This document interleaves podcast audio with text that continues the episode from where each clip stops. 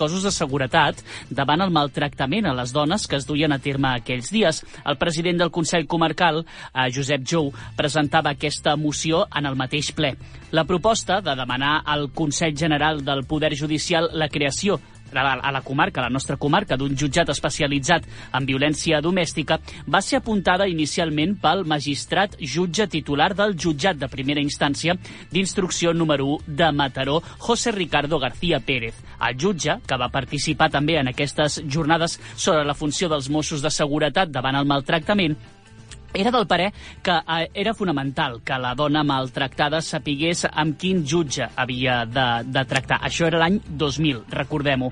Igual que coneix el seu ginecòleg, deia, i li té confiança, ha de saber que el seu problema arriba a un jutge especialista i sensibilitzat per tot allò que envolta la violència domèstica, deia el mateix jutge. Per tirar endavant aquesta proposta, el govern del Consell Comarcal ja havia començat a demanar informes a juristes especialitzats per redactar una moció per al pròxim ple comarcal, que estava previst per al 21 de març. Mm -hmm. De fet, fons del Consell ja havien apuntat la possibilitat que la moció fos conjunta de tots dos grups. A les jornades de treball sobre la funció dels cossos de seguretat davant el maltractament a les dones, organitzades, com dèiem, pel Consell Comarcal del Maresme, hi van assistir 52 policies procedents dels cossos de seguretat de la comarca. Les integrants de l'equip d'atenció a la dona maltractada de l'Associació La Dona per la Dona de Sant Andreu de Llavaneres van exposar en aquelles jornades quina era la seva tasca i van donar algunes claus per fer front a la violència domèstica. Aquest equip, de fet, que en un mes i mig ja havia atès, atenció, gairebé tants casos com durant tot l'any anterior, va insistir en la necessitat de coordinar els diferents estaments implicats entre ells els cossos de seguretat. Manel, uh -huh. una mhm. cosa que ens toca a tots i que és consciència de tots, veiem com si anem, res, un pèl més enrere, Sí. Com dèiem, 24 anys, l'any 2000.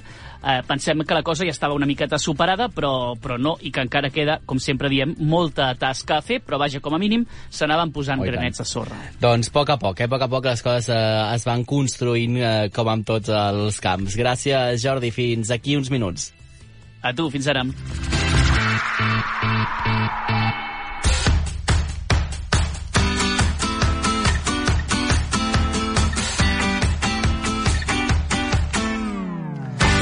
I en aquest moment és el moment ara de conèixer tot el que està més viral, més comentat durant la setmana a les xarxes socials, a internet i, com sempre, ens expliquen els col·laboradors més joves del programa, eh, col·laboradors i eh, presentadors més joves, Gemma, perquè potser em llenço a la piscina, ets la més jove de tots a l'Ona Maresma, potser amb... No, Pol Costa et podria guanyar, no? Uh, no sé exactament, eh? Jo sóc del 2000, Pol Costa 2000. no sé si és Vaig del 2000 en aquest cas, eh? Vaig a fer la consulta i ara t'ho dic.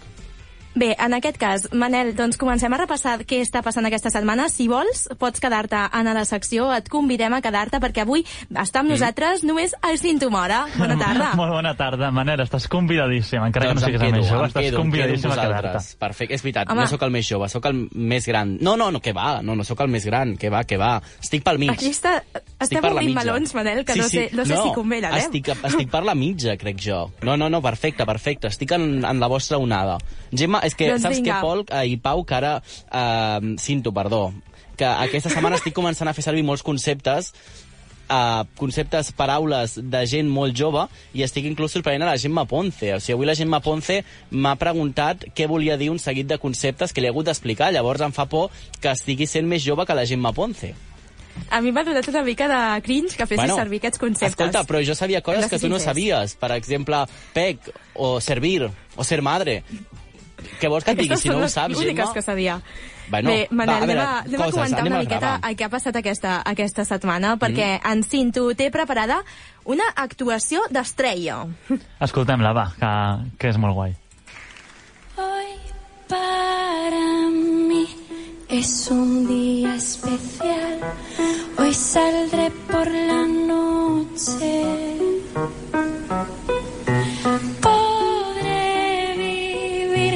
lo que el mundo nos da. El que estem escoltant és a la Amaya, que ja vam comentar al programa de la setmana passada, que actuaria a la gala dels, dels Goya i després va obrir la cerimònia en aquesta actuació amb David Bisbal, una actuació que va ser espectacular i per fer una miqueta de recapitulació una, una cerimònia dels Goya el dissabte passat que doncs, va coronar a la Societat de la Nieve com, amb, amb gairebé amb moltíssimes estatuetes i va ser va ser, va ser una gala doncs, maca, hi ha gent que diu avorrida, sempre diversitat d'opinions d'aquests temes, sí. i això, en resum, la Societat de la Nieve va triomfar, però del que s'ha parlat i del que ha tingut més cua tota la setmana és d'una um, polèmica respecte a la presentadora de la gala, la presentació que es va, es va fer de la gala a través de RTV Play.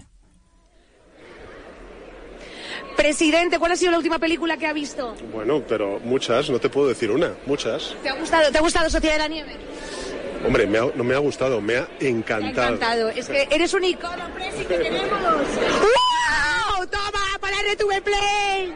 Ala, tenemos ahora una simpática conexión con nuestro compañero Galde... Aquí estem escoltant és a la, a la Inés Herran, que és, la, és una presentadora, és una col·laboradora, col·laboradora, col·laboradora externa per ser exactes, de Radio Televisió Espanyola i en la versió web del canal, és a dir, um, doncs en, la seva, en la seva web doncs, feien una emissió més per joves, més dinàmica i més lluny dels, dels formalismes que, que oferia doncs, a la 1 en obert i doncs ella era presentadora. I aquest, aquest comentari que va dir el president, president, eres un icono, també es va, es va tirar un rot durant, durant l'emissió, va dir llevo 5 hores, llevo cinco hores aquí, estoy mm, en paraulotes, llavors doncs va ser força polèmic fins al punt que el comitè d'informatius de Ràdio Televisió Espanyola um, ha criticat i ha, ha, ha emès doncs, tot el seu rebuig amb el to i el contingut de l'emissió de, que, doncs, que va fer aquesta, aquesta presentadora, aquesta col·laboradora, i doncs, va demanar doncs, que va, va anunciar que es demanarien explicacions als responsables de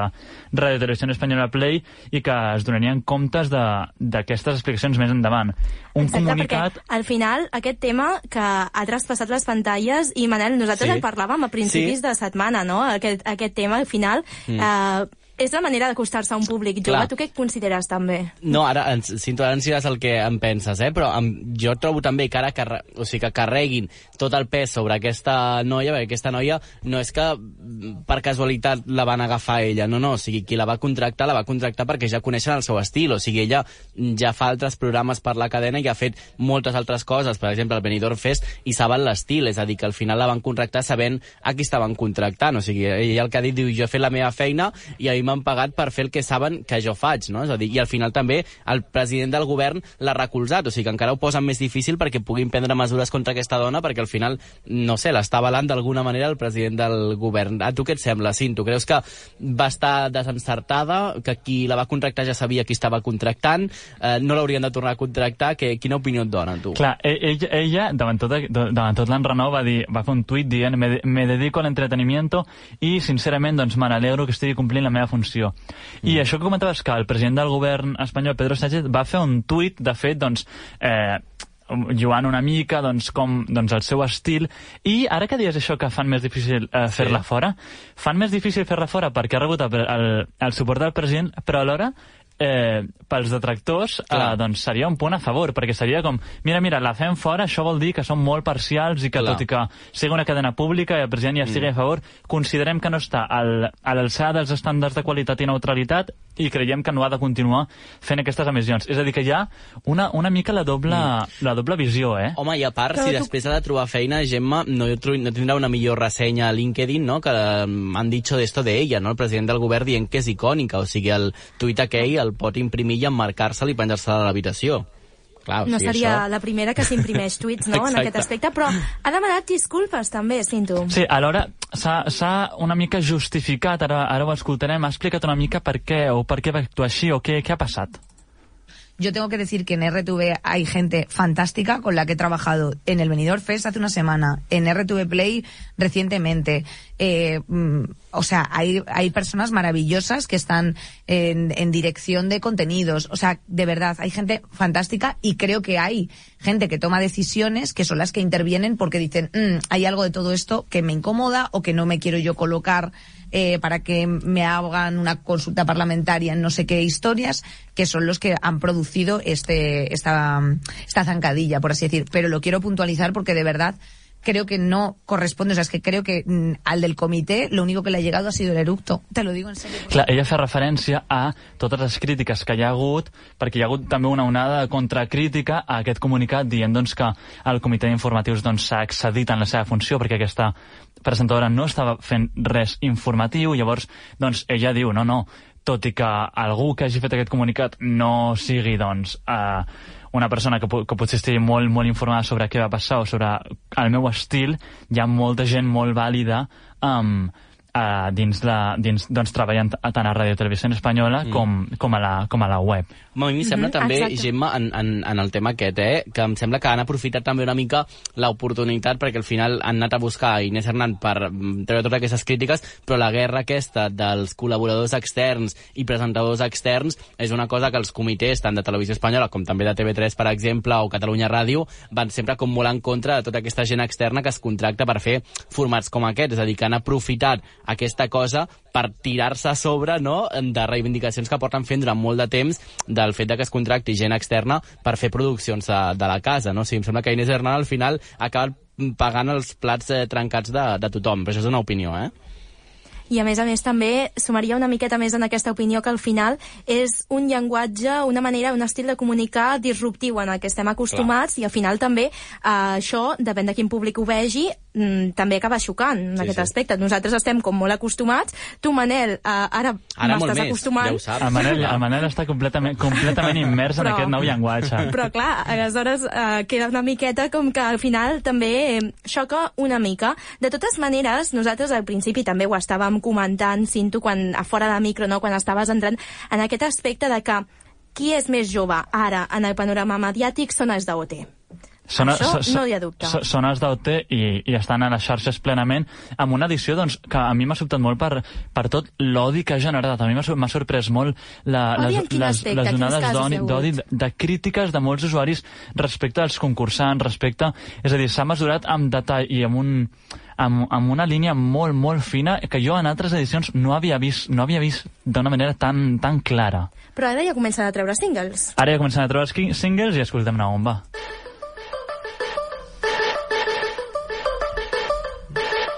sembla l'espectacle xino de PortAventura, eh? Ruido blanco se cuela en cada estem escoltant en aquest cas, mm. gràcies Manel per la teva intervenció, la, el, el single que ha tret eh, una cantant que es diu Violeta, que de fet era presentadora sí. d'Informativos Telecinco, era sí, reportera sí. A, a Motril i va cobrir doncs, tot el, el cas Rubiales quan la mare del Rubiales es va, es va tancar una església sí, sí, sí, sí. i, i va M'estàs començar... descobrint un món, no sabia començar... que es dedicaven a això. Sí, sí, i va començar aquella, aquella vaga de fam a l'estiu. Ella es va fer famosa perquè ella va cobrir tot allò i llavors va deixar la feina per anar-se'n a OT i ara ha tret aquest primer single que estem escoltant um,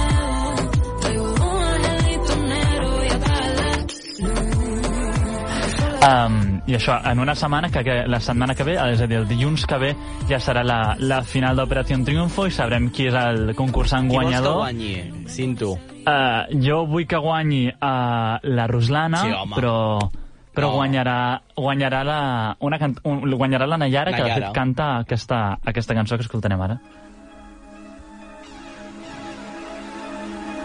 Clar, estem posant el passe de micros, això és la Nayara sí. aquest dimecres. Això és la, la Nayara aquest dijous, això va ser just ahir. Lo mismo que tú Y cada amanecer me derrumbo al ver la puta realidad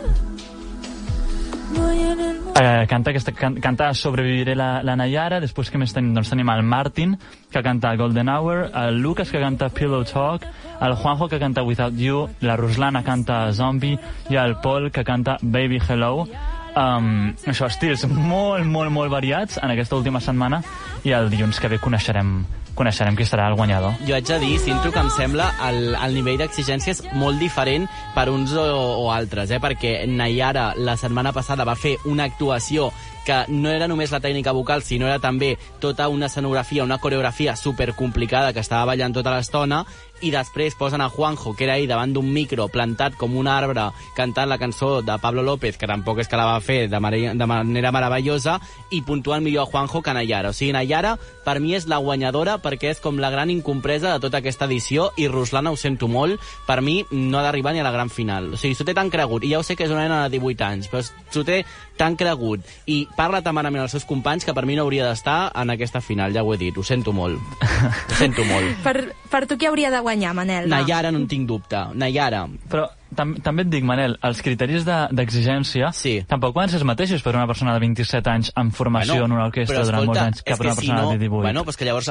no ho sé, la, la Ruslana s'hauria de- d'apuntar a Operació Triunfo Júnior i l'altra a Operació Triunfo Júnior. Clar, o sigui, tots estan competint en el mateix concurs, perquè clar, si tens més opcions de guanyar perquè tens 18 anys i estàs començant, no, allà tots són iguals i tots tenen les mateixes opcions de, de guanyar. I no hauria d'estar a la final, Gemma, ni Juanjo ni Martín, perquè aquí sembla que els Estàs estem obrint fent... potser un meló ja, no? També, perquè em sembla que aquests dos són que són parella. Sí. Clar, són, són, són parella i de fet ells són conscients que Però és el que doncs, la és- seva clar. carpeta ha, ha ajudat molt Clar. i de fet ha sigut molt divertit com han anat evolucionant el concurs i jo vull creure que no volgudament doncs la seva, la seva història d'amor ha anat també evolucionant i creixent i ara ja doncs es mostren completament doncs, amb Sí, les mostres d'efecte en públic, el, bueno, en públic, Jo crec càmeres. que um, ells ho estan forçant al límit, perquè quan van sortir de l'acadèmia per Nadal, les seves famílies uh, els hi van dir escolta, que um, això tira molt, perquè va ser, es va notar tantíssim el canvi d'actitud, de la manera innocent que tenien abans de marxar a casa, que quan van tornar, que sembla més que estiguin a Gran Hermano que no pas a, a Operació Triunfo. Que Juanjo, per cert, està Operació Triunfo, que és com el 20è programa en el que ha estat, perquè ho ha fet tot aquest nen. O sigui, ha estat a tot arreu. Exacte. Ha fet Perquè les campanades, és veritat que sempre gairebé. l'anem veient, no? Sí, L'anem ha, arreu. bueno, sí, ha, estat, ha estat a, a Idol Kids de Telecinco, ha estat, també, va guanyar un concurs de, de Jotes a, Sí. a Aragó, també. També va estar a Masterchef quan era més De petit. Pública a l'Hormiguero. La Pública l'Hormiguero també ha estat amb, amb diferents tiktokers a les xarxes, és a dir, se'l se té bastant vist. Però sí que és veritat, doncs això, que aquesta edició potser és la que hem vist doncs, més conflictes entre ells, uh, més mals entesos, més, doncs... Ara, durant aquesta setmana, de fet, el grup es va separar i, i menjaven separats. Un grup menjava a la terrassa Que ara ja hi caben tots en una taula. i Això caben, que i passava al caben principi, tots a una taula i de fet tres anaven a la terrassa i quatre es quedaven a la taula menjant. I, Cosa que I qui és la doncs, líder de, de la màfia aquesta? Ruslana, tal qual t'ho dic, perquè tots serien amics i li han estat fent bullying durant, tot el, durant tota la temporada al Paul Ten aquest, que l'han estat fent, pobre, m'ha fet una pena el pobre noi. Paul Thin. Paul Thin aquest, m'ha fet una pena tremenda. O sigui, sisplau, que guanyi Nayara aquesta edició, que es vol comprar un cotxe i per mi ha de tenir els seus somnis fets realitats. I em sembla que hem d'anar acabant gairebé, Gemma, perquè si no se'ns fan les 6 de la tarda. Se'ns farien les 6 de la tarda. Uh, la final d'OT, quan és, Cinto? La final d'OT és la setmana que ve, és dilluns a les 10 a Prime Video i també doncs, comunicar que les entrades del concert d'OT doncs, que hi ha noves noves ciutats, però Barcelona serà l'1 i el 2 de...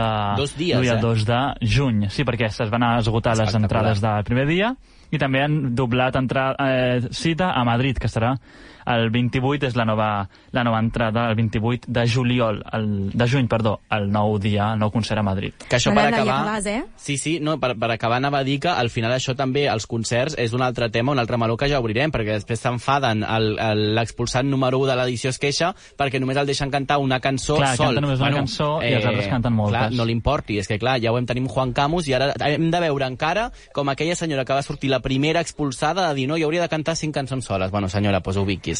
Ho deixem aquí, Vinga, gràcies. Moltes Cinto, gràcies, Manel. Deixem-ho aquí, deixem aquí, si us plau, Manel, Sí. però acomiada la secció en llenguatge jove, si us plau. No, va, no ho que faré avui perquè estàs molt posat. sé que et deixaria enrere, Gemma, però et diria que avui el Cinto ha, ha vingut al programa a servir. Ja està, no diré més. No diré més. I que el dilluns, la final, exacte, i que el dilluns, la final d'Operació Triunfo, pec. Ja està, no dic més. Gràcies, Cinto, gràcies, Gemma. Adéu, bon cap de setmana. Cap de setmana.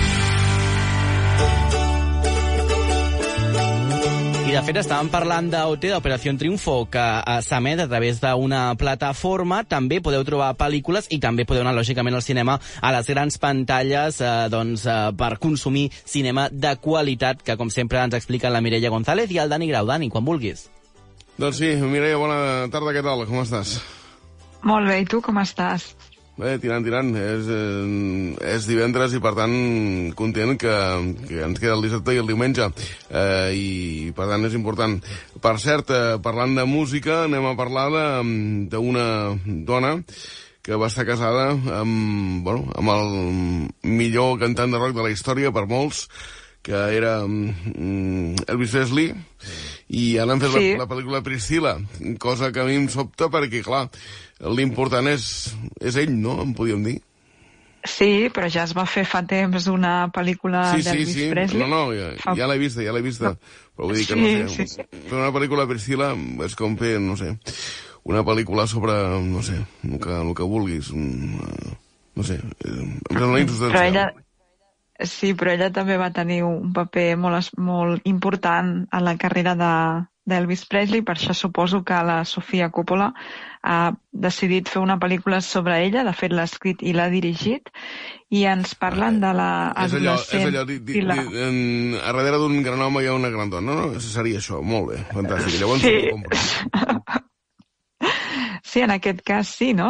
Es podria dir que sí. És, uh, però ella és adolescent, hem de dir que coneix uh, Elvis Presley, Priscilla, quan és una adolescent, en una festa, i ell ja és una estrella consagrada del rock and roll. Però en la intimitat, uh, Elvis és molt diferent.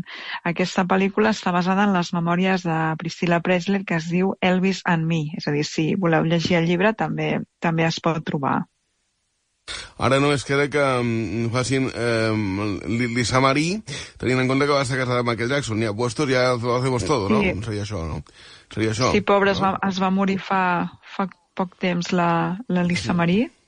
Sí, I sí, sí, de, de fet, sí. Sí que es podria Va fer ser la- també una, una biografia de la primera- seva vida. la primera dona de Michael Jackson. Després es va tornar a casar... Sí, correcte. Un, un, un, una, una segona vegada, recordo ara, i després va estar acusat de, eh, diguéssim, pederàstia. Mm, També Sí. cal recordar-ho, això. déu nhi Doncs Sí, sí. Priscila, la tenim al- en el, a la pantalla gran, als cinemes, um, un, la dona de mm, d'Elvis Presley. I buscant la Coque. Aquest Coque és eh, en Coque Malla, que és el líder de los Sí. Ronaldos als anys eh, 80-90. déu nhi Sí, sí, sí, doncs aquesta setmana tot va de música. Es tracta d'una comèdia romàntica espanyola que està protagonitzada per Alexandra Jiménez, Hugo Silva i Coque Maya. En César i la Teresa són una parella feliç fins que ella coneix en Coque Maya, el gran ídol d'en César, des de l'adolescència i passa la nit amb ell. Quan la Teresa li ho confessa a en César, ell no sap com reaccionar. No, no, sí. Bueno, va estar bé. El, el, los Ronaldos, bueno, un grup correcte eh, a la seva època. Sí. I com que malla. déu nhi eh, Bé, jo crec que s'estan segant les idees, s'estan segant les idees. El xiclet no dona, ja t'ho ja dic jo. Tot i que Sí. tinguin molt bona voluntat, que és la primera, la voluntat, la primera proposta que fas Sí. en streaming. Molt ben portat, eh? És una pel·lícula que es pot veure a Netflix, és un drama bèl·lic que ens arriba de Bèlgica, se centra en un jove policia anomenat Wilfred Wills i el seu company a la comissaria que es debaten entre col·laborar amb els nazis o ajudar a la resistència a l'envers ocupada durant la Segona Guerra Mundial. És una pel·lícula, doncs, podíem dir bèl·lica, però també dins el context del que era l'ocupació nazi de, de Bèlgica, en aquest cas, o de, o Ah. de Flandes, podríem dir. Sí. Amber, a- Amber, eh, Amber, Ambers, Amberes. és el castellà, eh? Amberes, Sí, Amberes. sí. Sí, Amber. Està a Flandes, sí. I Antwerp amb, amb holandès, amb, o amb, Ui, o amb... Sí, sí, Antwerp, Sí. sí. diu. Per cert, sí, vale, doncs, la voluntat mm, sobre el nazisme, mm, que li agradi, doncs eh, no té a Netflix. I, si no, mm, anem cap a dilluns, eh, perquè a Filmin hi ha Mondays, no? És- Mondays, en aqu... sí, en aquest cas és una comèdia japonesa de ciència-ficció que ens presenta un personatge que descobreix que l'oficina on treballa està atrapada en el temps, repetint una vegada i una altra la mateixa setmana, estressant. Amb els seus companys de feina, aquesta persona haurà de trobar la manera d'alliberar-se. Com es deu dir Mondays en, en japonès? Eh? Ui, no ho sé, no ho sé. És No, com no, el dia és- de la marmota, eh? Exacte. Ah, val. No, no, no, és... Eh, si voleu... mm, eh, a veure, per lo que apuntes, eh, una, una pel·lícula d'aquestes estressants i, i per, diguéssim, per tenir com, per compadir-se de la protagonista, eh, aquest és l'ideal, no? Uh, Mondays a Filmin. Seria això, no? Exacte, pobra dona, sí. No ho passa bé, pobra dona. Doncs eh, que, que esteu avisats. Esteu avisats. Qui l'avisa no és traïdor. Mondays a Filmin. Està bé. I eh, a Movistar Plus i Filmin també, eh, les dues plataformes, eh, Freaks Out, Sí, en aquest cas és un drama d'aventures italià que està dirigit per Gabriele Mainetti. Ens situa a Roma el 1943. En, en Fluvio està cobert de pèl de cap a peus. La Matilde és, és tan elèctrica que pot encendre bombetes amb la boca i en Cencio escup cuques de llum i canvia de forma als insectes. Tots ells treballen en un circ, però un dia una explosió acaba amb el seu refugi i són expulsats en plena Segona, segona Guerra Mundial.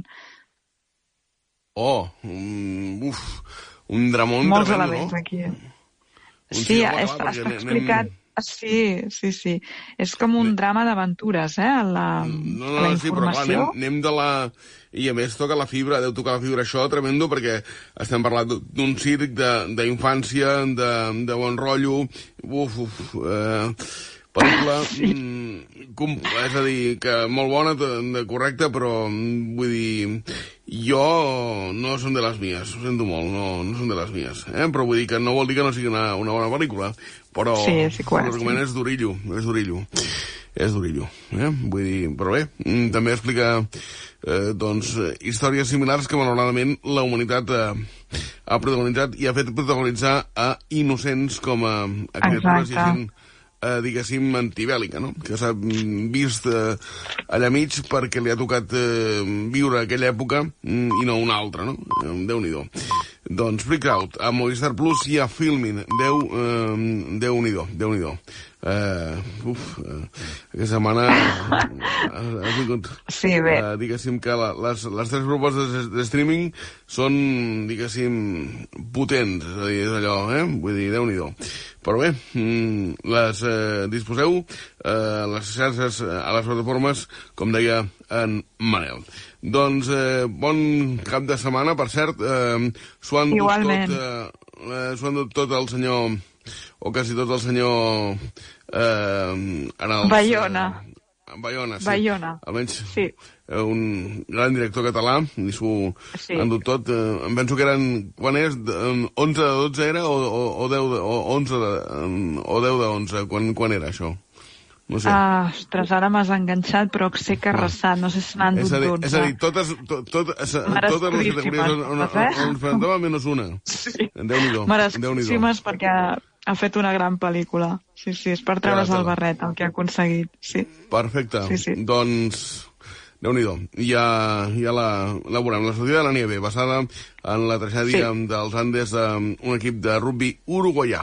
Gràcies, Sí. eh, Mireia. Fins, a, fins al cap de setmana vinent, que hi haurà més propostes, sense Coque Malla ni la Priscila. Vinga. Fins Adéu. aviat. Adéu. Gràcies, Dani, gràcies, Mireia. Bon cap de setmana també per vosaltres. I nosaltres ara farem una petita aturada molt breu de només 3 minutets, però no marxeu, si us plau, perquè tenim una recta final de luxe. Hem de parlar encara de teatre i també avui, eh, importantíssim, hem de parlar d'una activitat que es farà també al, a la nostra comarca, a Palafolls, concretament la presentació d'un llibre. Per tant, 3 minuts i tornem amb més Ona Maresma. No marxeu, fins ara. La xarxa de comunicació local.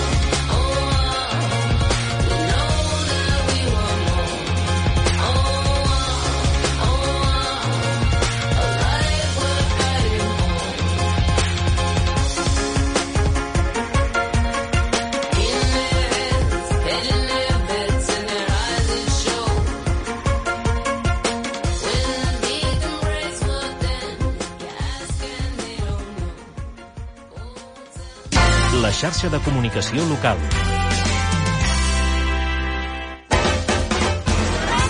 Ona Maresma, el programa que no et deixa fer la migdiada. Tornem a ser aquí quan passen 5 minuts a dos quarts a 6 de la tarda i com cada divendres és l'hora d'aixecar el taló i parlar de teatre a l'Ona Maresma. Jordi, què ens proposes? Sí, Manel, perquè de fet el que hem pensat és que en totes aquestes edicions de la secció de teatre que fem cada divendres al programa mai hem tingut un lloc per dedicar-lo als tècnics, aquella gent que fa que des de darrere bambalines o des de la taula de so aquella obra de teatre, aquell projecte funcioni d'allò més bé. Sense ells segurament no hi hauria muntatge.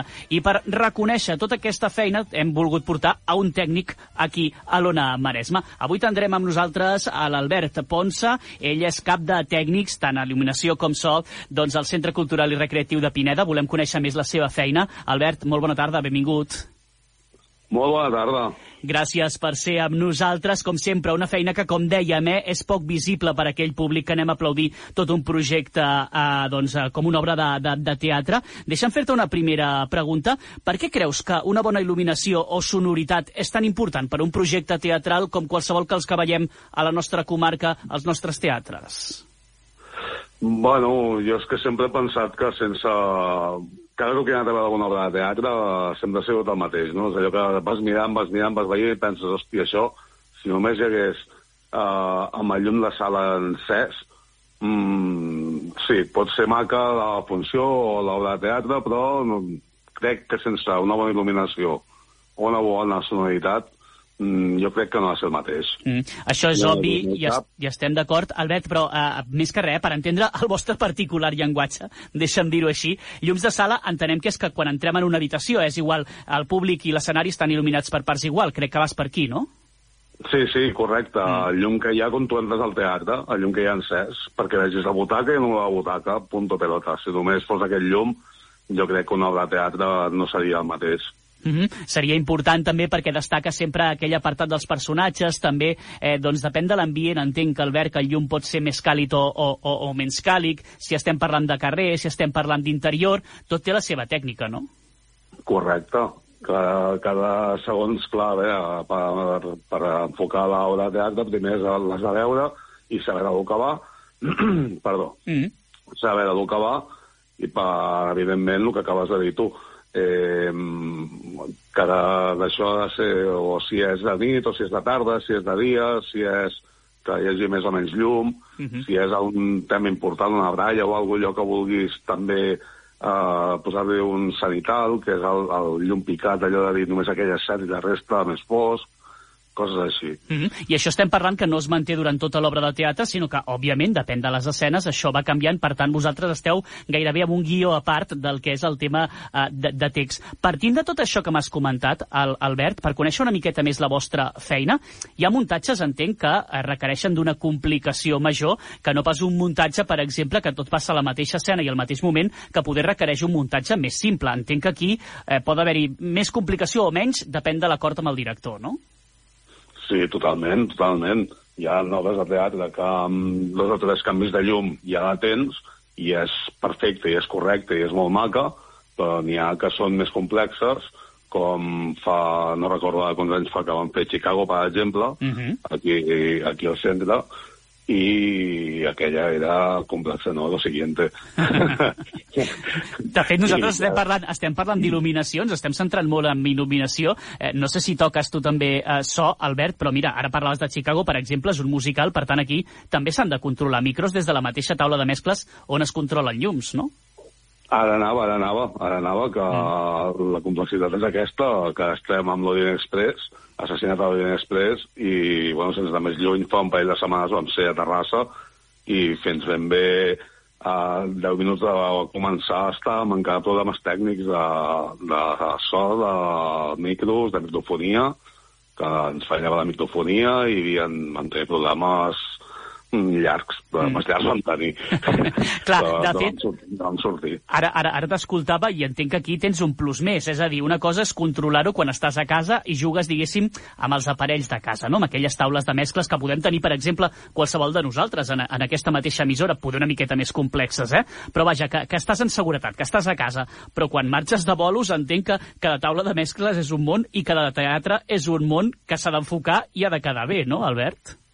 Evidentment, evidentment cada teatre té la seva taula i no sempre et pots emportar la teva d'aquí, perquè hi ha vegades que sí, que aquí si no fem res aquí a Pineda, eh, sí que te la pots endur i dir, val, doncs si no n'hi ha cap no passa res, però n'hi ha, ara mateix que estem fent amb el concurs de teatre, mm, si la companyia que ve et diu "Mm, és que jo no tinc cap més taula per poder portar, l'has de deixar i t'has de conformar amb el que et trobes on vagis. I n'hi ha que són més complexes, n'hi ha que són més senzilles, i dius, ostres, que amb això no puc fer això, no puc fer allò, a veure com ho fas. I perquè som, començàvem els problemes. Mm -hmm. ah, Albert, amb tot això que hem posat ara mateix eh, sobre la taula, sí que et volia fer una pregunta perquè al principi d'aquesta entrevista eh, jo et deia, ostres, és una feina complicada i que poder no és eh, tot lo agraïda que voldríem perquè al final qui s'emporten els aplaudiments dalt de l'escenari quan acaba el projecte eh, són els actors, per molt que ens en, eh, ens en recordem, no?, de, de, dels que estan fent llum i so i sempre es, es mencionin. Crec, creus que la feina que feu vosaltres en aquest cas és poc atractiva, que costa trobar gent que es vulgui eh, dedicar per amor a l'arte, perquè recordo que això és sense ànim de lucre el que esteu fent vosaltres? A veure, nosaltres ara mateix estem, bueno, nosaltres com a com Cadella, jo conec el, el, la Cadella en Pau Noeres i també vaig estar parlant amb ell ahir i també va dir el mateix que estan sense tècnics, no hi ha tècnics, perquè no vol, si no es cobra no s'hi vol tenir que ningú. I, a veure, t'ha d'agradar, t'ha d'agradar perquè és, és el que acabes de comentar tu mm, és poc agraïda, perquè, clar, el que bé ho ha fet el director, que bé no sé què, només s'han d'aconar els tècnics si hi ha un apagón, si falla en micro, si falla... Però si no és com a futbol, és de comparar amb el futbol. Quan guanyen, hosti, que bé que han jugat. Ostres, que bé que han jugat. Però quan perden, vaya mer entrenador, vaya aquest entrenador, canviarem sempre faig la mateixa comparativa perquè és així. Mm -hmm. I jo ho veig així, vaja. Mm -hmm. Quan les coses no funcionen sempre ens en recordem del tècnic, no? Llavors, correcte. si funciona correcte, no hi ha cap mena de, no hi ha cap mena de problema. Però sí que és veritat que sembla que hi ha una nova generació que els hi costa eh, posar-se en aquesta altra cara no? del món del teatre. De fet, sense anar més lluny, eh, crec que a Pineda hi ha altres entitats també de la comarca del Maresme que ho estan organitzant, estan fent cursos per després poder-los aprofitar en els diferents muntatges que fa la diferent companyia, no? Eh, fins a aquest punt hem arribat, Albert. Sí, nosaltres estem fent unes càpsules a través de, de, de l'escola, però, clar, és el que diem, sí que hi ha gent que s'hi vol dedicar, hi ha, hi ha gent que ho està estudiant, perquè hi ha, hi ha nanos apuntats que ells ho estan, estan estudiant. Hi ha un noi i una noia, per exemple, que estan estudiant això. I n'hi ha d'altres que no, que han vingut per provar a veure, a veure què. Però aquests dos sí que ho estan estudiant, però clar, ja vaig estar parlant amb ells, eh, la setmana passada vaig estar parlant amb un d'ells i ja el primer que m'ha preguntat quan cobreu, quan cobreu aquí els tècnics? Mm, és el que diem. Per edat, eh, ben mm. pocs, ja, ben pocs. Mm -hmm. uh, òbviament, bu busquen guanyar-s'hi la vida, que això és, també és una altra alternativa. Eh? En aquest cas, com dèiem, eh, és hipotecar també la, la, la teva manera de fer per venir a fer una obra de teatre. Entenc que és una feina que es fa paral·lelament amb el director de l'obra, Albert. L'ideal seria que des de primeres, quan es projecta l'obra, doncs d'alguna manera hi hagi algun tècnic de confiança no? que et pugui guiar també amb el tema de llums i so. Això seria l'ideal. Això seria el correcte. No sempre és així hi ha vegades que tu saps que s'està preparant aquesta obra, saps que hi vas parlant amb els teus companys i vas... Ja, tu t'han dit alguna cosa, tu t'han dit... I no, no, no, no, no, no, no, i com falten 15 dies o un mes perquè, per començar, per l'estrena, és quan correm-hi tots. Ostres, que no tenim tècnic. I ara què fem? Correm-hi tots. Uh -huh. I el seu, el seu, l'ideal és el que acabes de comentar tu. Um, que del minut zero, des del segon zero, igual que el director queda amb els sectors per fer les reunions de cada guions i comentar el que s'hagi de comentar, mm, l'ideal és que també es faci, es faci amb els amb els Ah, tècnics. amb els tècnics. Mm -hmm. Tant Sí que és veritat que mm -hmm, per començar una obra poder no és necessari el tema de llums i so, ens en recordem a última hora i després s'ha de córrer, i és un tema que s'ha de reposar també i s'ha d'anar a comentar. A tall de curiositat, Albert, quan de temps fa que t'hi dediques a tu al tema de, de tècnic, en aquest cas al Centre Cultural i Recreatiu de Pineda? Doncs jo és un tema que sempre m'ha agradat, perquè jo de jove ja vaig estar treballant en discoteques i pubs i, i, i rotllos d'aquests, i sempre estaven allà trastejant i merdejant. I aquí a Pineda uh, fa, pues, 9 anys farà. Nou 9, anyets. 8 o 9 anys. Sí, 8 o 9 anys fa. déu nhi Sí que és veritat que tu, encara que sigueu pocs, eh, no, no treballes tu sol, tens un equip també que, que t'ajuda, perquè si no seria impossible amb una programació com la que es fa doncs, a, a llocs com a Pineda, eh? o també ens mencionaves a Calella, per exemple, que el mateix tècnic tingués que fer totes les obres de teatre. Seria eh, bastant, bastant impossible. I ara que ens deies d'aquests estudiants que d'alguna manera s'hi volien dedicar, Albert, tu, la veu de l'experiència, què els, hi, què els hi diries? Per on haurien de començar o quin consell els hi donaries? Ostres, en aquí m'agafes, eh? bueno, suposo que al final és, és una feina, perquè sí que és veritat que jo ho passo en el món de la ràdio, no? Jo ara mateix aquí, quan estic fent l'entrevista, tinc una taula de mescles i segurament hi ha eh, moltes funcions de la taula de mescles que, que no sabria com funcionen, tan sols les que utilitzem habitualment. Entenc que això és mica en mica, mica en mica, i anar coneixent també el material amb el que treballes, no, Albert? Sí, això sí, això, això és, pràcticament és el més important, com, com aquell que diu, perquè si no el coneixes, bueno, jo quan vaig començar no tenia ni idea de com anava, i em van deixar aquí per donar un cop de mà, i al final a base d'anar trastejant, i, i clar, jo preguntava, jo, escolta'm, i això perquè jo no sé què, i al final em van dir, mira, eh, vine un dia que no hi hagi res muntat, o, i vas trastejant, i vas tocant, i vas fent, i així és com vaig aprendre. Mm -hmm. I ai, quan em van preguntar aquests nanos, jo els hi vaig dir, dic, a veure, dic, la diferència està en que si cobres estàs obligat a venir a fer el que sigui. Mm, si siguent amateur, intentes fer-ho, però si algun dia tens algun imprevist, és tan senzill com que he dit, i perdoneu, però avui no puc venir, per exemple. Mm -hmm. D'altra manera, has, has de venir sí o sí. Uh -huh.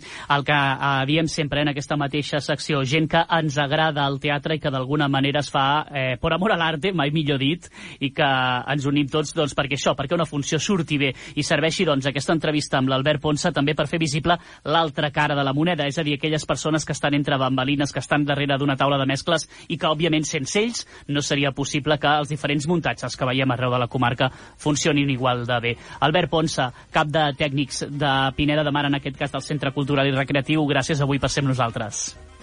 A tu per pensar en mi i fer-me col·laborador d'això. That jazz.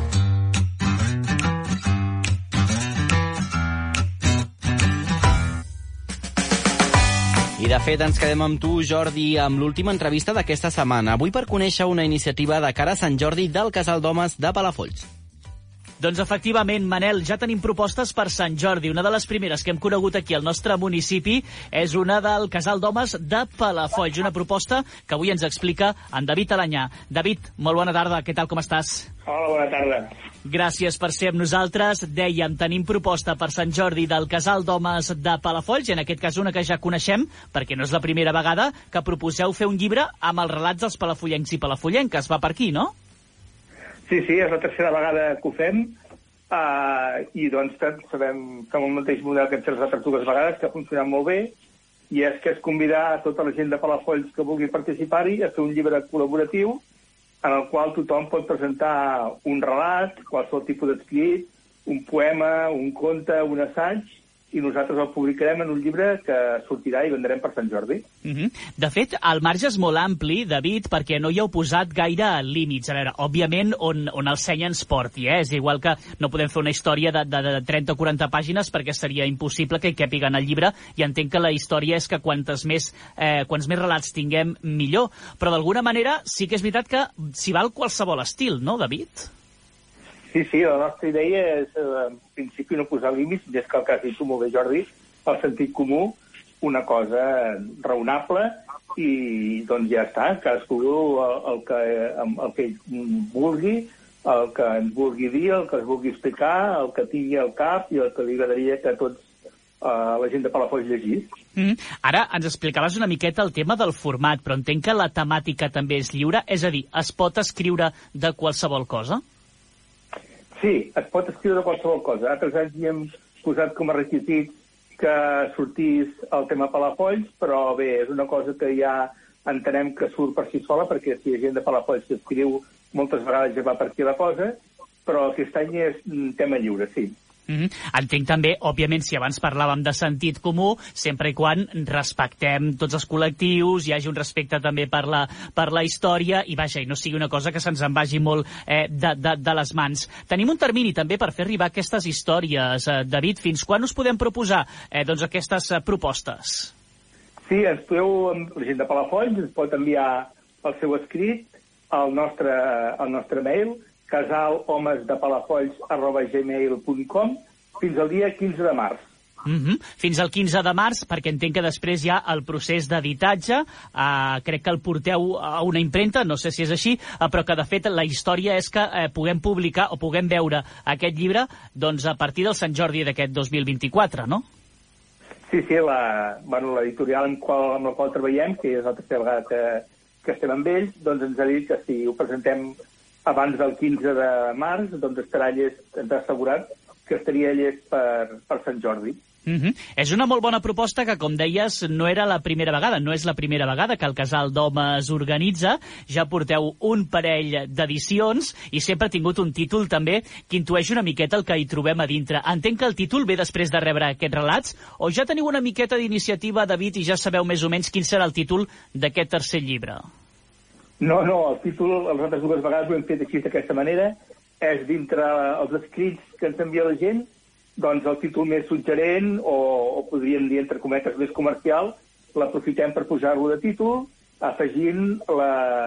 i altres contes, no? per fer una mica més, mm -hmm. més complet. Mm -hmm. De fet, són llibres que alguna vegada també us hem vist i que crec que algun us deu quedar que poder les paradetes de Sant Jordi d'aquest 2024 es podrà comprar per ajudar al casal d'homes. Òbviament també hi haurà el d'aquest 2024. Teniu encara un meset per poder participar fins al 15 de març, ens ho deia en David. No sé si ja en aquests primers dies de convocatòria, David, heu rebut algun relat ja? Sí, n'hem rebut quatre ja. Estem molt contents, veiem que la cosa està en marxa i doncs això, convidem a tothom que vulgui escriure a que ens enviï el, el que tingui pensat i doncs aquesta iniciativa, més que res, és per tota aquella gent que té ganes de publicar, de veure el seu escrit en un llibre amb cara i ulls, és a dir, un llibre amb l'ICBN, amb el codi de barres, amb el dipòsit legal, doncs tingui nosaltres, des del Casal de Mons de Palafolls, li donem l'oportunitat de fer-ho. Mm -hmm. I són repetidors, David? En les últimes dues edicions eh, hi ha gent que allò ha participat sempre que feu eh, aquesta crida i que aquest serà el seu tercer any, o són gent nova? Ah, hi ha una mica de tot. Mm -hmm. Hi ha mhm. gent que nosaltres directament con contactem amb ells perquè sabem que tenen ja coses fetes o que els faria il·lusió participar-hi i doncs de, de primera mà contactem amb ells. Hi ha altra gent que veu la propaganda i ja ve la que hem repartit per les diferents xarxes o vosaltres mateixos des de Ràdio Palafoll i se, se per aquestes vies i llavors ens envien el, el seu relat. Mm -hmm. Hi ha talent per la literatura aquí al nostre municipi, David? Molt. estem, estem molt contents eh, perquè realment el que ens està enviant la gent eh, té molt cara i ulls i, i, i doncs veiem que sí, que és una mm. llàstima que es quedin aquests escrits al calaix i per això donem l'oportunitat a tothom que, que vulgui veure el, el seu relat publicat a, a que ens enviï el que té, el que té escrit. És una iniciativa que, com tu deies, eh, apareix fa uns anys. Crec que aquesta idea de publicar un llibre per Sant Jordi l'heu fet però de manera intermitent. Crec que no han estat anys eh, seguits. Però explica'ns una mica com va sortir aquesta iniciativa. Perquè sí que és veritat que el Casal d'Homes us coneixem doncs, per altres eh, propostes. Eh? Per exemple, com dèiem, el concurs de truites eh, fa unes setmanes o també col·laborar amb la Marató de TV3 amb el Vermut Solidari. Però aquesta iniciativa iniciativa com va sorgir, David?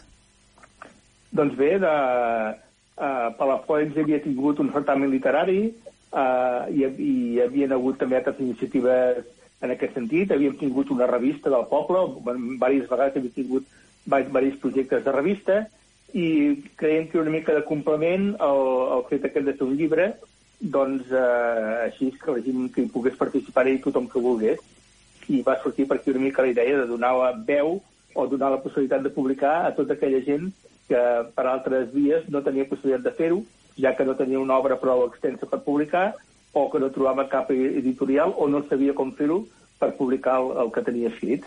Clar, però a partir d'aquí eh, vosaltres hi posàveu les ganes, però entenc que necessitàvem una impremta, necessitàvem a, algú que, que, que, fes, que materialitzés, vaja, a, a, aquest llibre. Com va ser després del contacte amb aquesta impremta que, com deies, és el tercer any que ja col·labora amb vosaltres?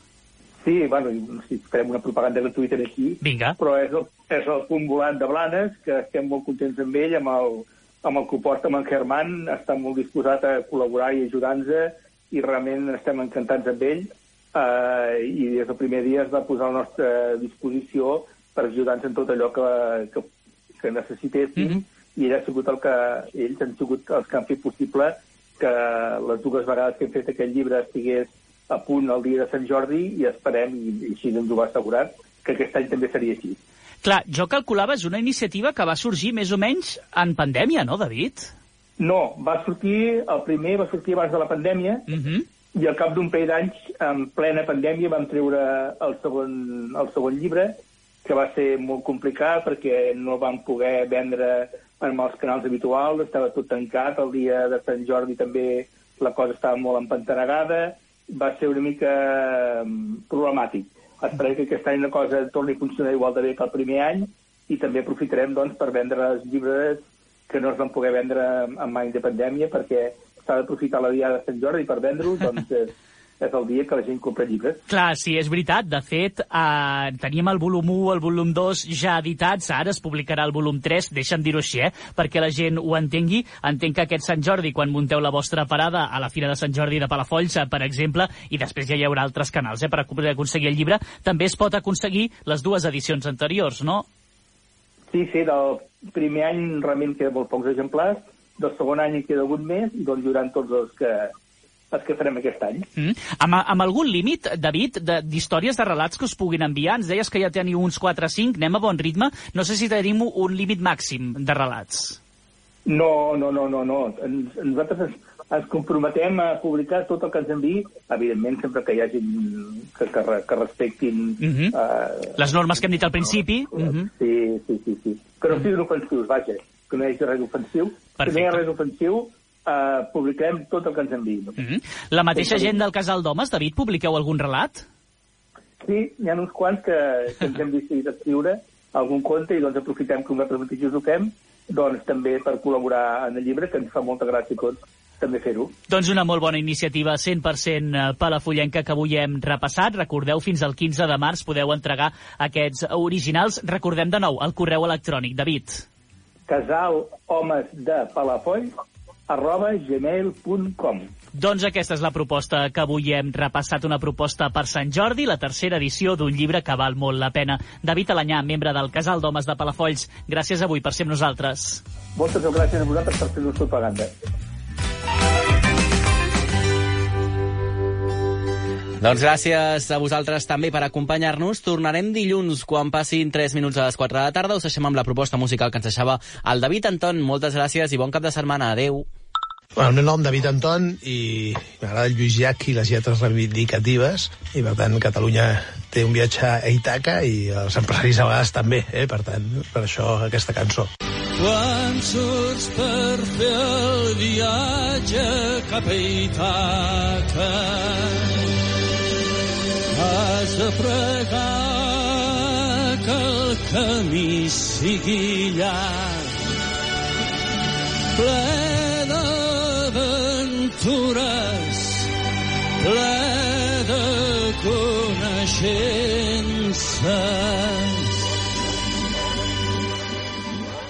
Has de pregar que el camí sigui llarg,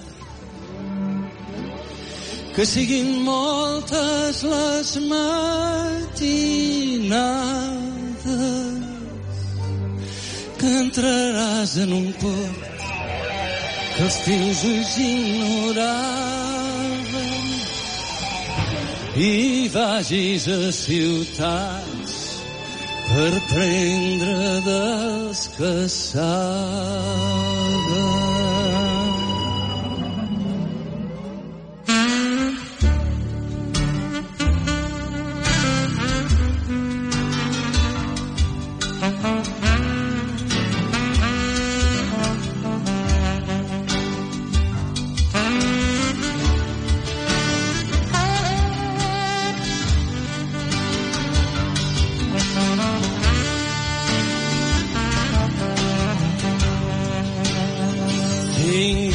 Sempre al cor la idea d'Itaca.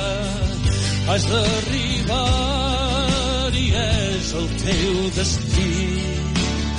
Però no forcis gens la travessia. És preferible que duri molts anys